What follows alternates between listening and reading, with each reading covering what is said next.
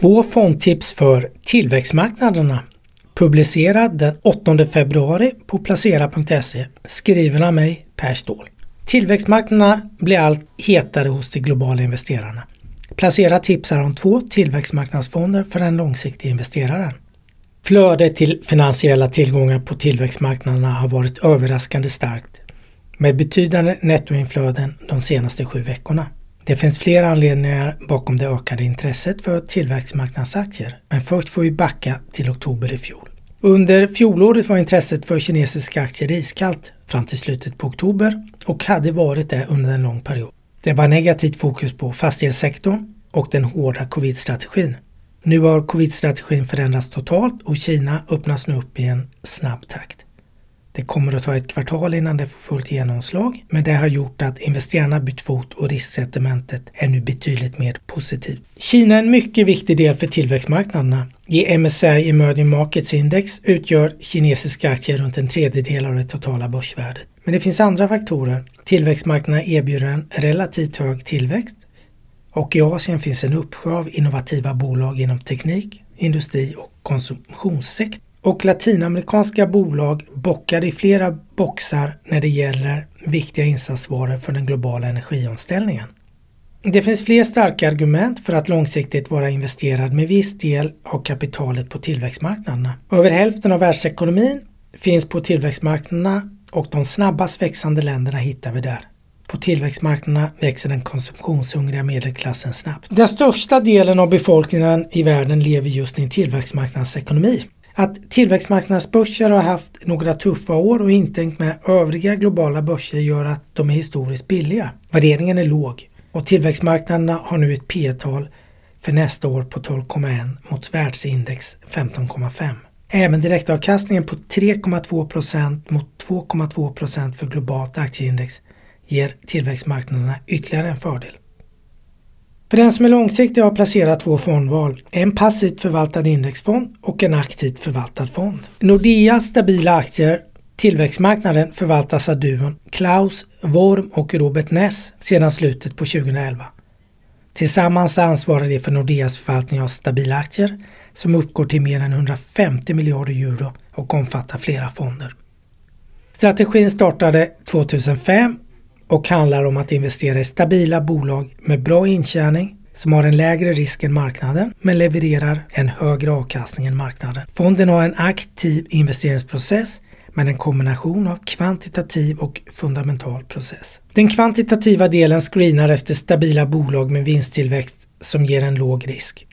Det totala investeringsuniverset omfattar runt 3000 bolag.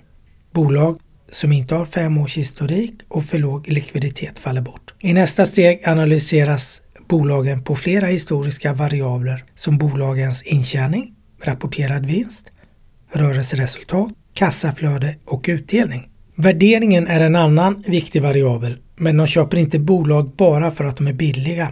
Bolagen kan delas in i tre grupper. Kvalitetsbolag som uppfyller kravet att ha minst två års vinsttillväxt, normala bolag som minst har tre år med oförändrad eller svag tillväxt samt svaga bolag som har minst ett år med negativ tillväxt. Efter det smalnar det investeringsbara universet ner till gruppen kvalitetsbolag. Förvaltarens egen forskning visar att kvalitetsbolagsgruppen har klart högst sannolikhet att skapa fortsatt vinsttillväxt. När du gjort screeningprocessen ser du på respektive bolags totala egenskaper. Detta är värderingen, stabiliteten i intjäningen och diversifieringseffekten som är viktiga faktorer. När de initierar de bästa bolagen tar du ut mellan 70 och 100 bolag till fonden. Det är oftast en fondsammansättning som avviker från index och snittet för fondkategorin.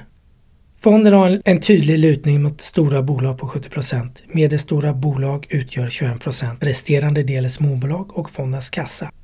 Fonden har ett tydligt fokus på värdebolag och lågvolatilitetsbolag som avviker från fondkategorin. Finansbolag är just nu fondens största sektor på 18% vilket är en undervikt mot index. Näst största sektor är kommunikation på 16,5% som är en klar övervikt.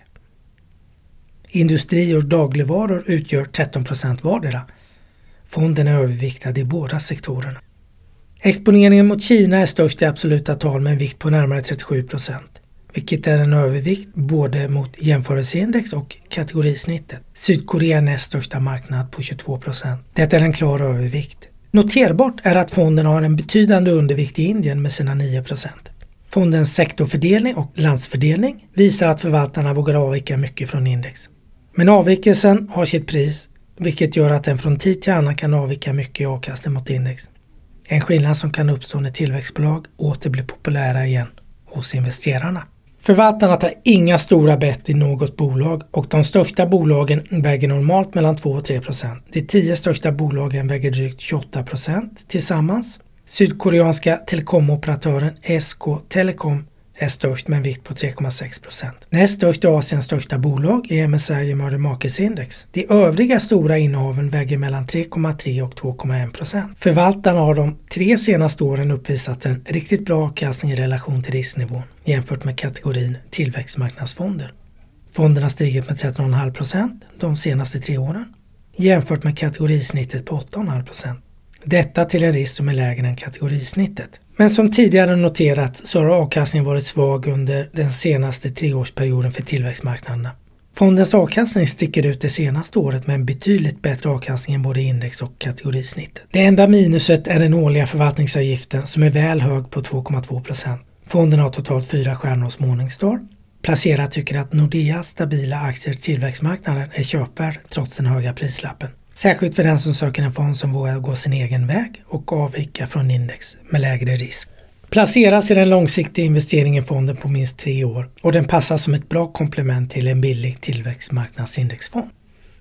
För den som hellre vill köpa en billig fond och tycker att avgiften är den viktigaste parametern vid fondval är valet en indexnära fond. Urvalet av indexnära tillväxtmarknadsfonder består av ett tiotal fonder.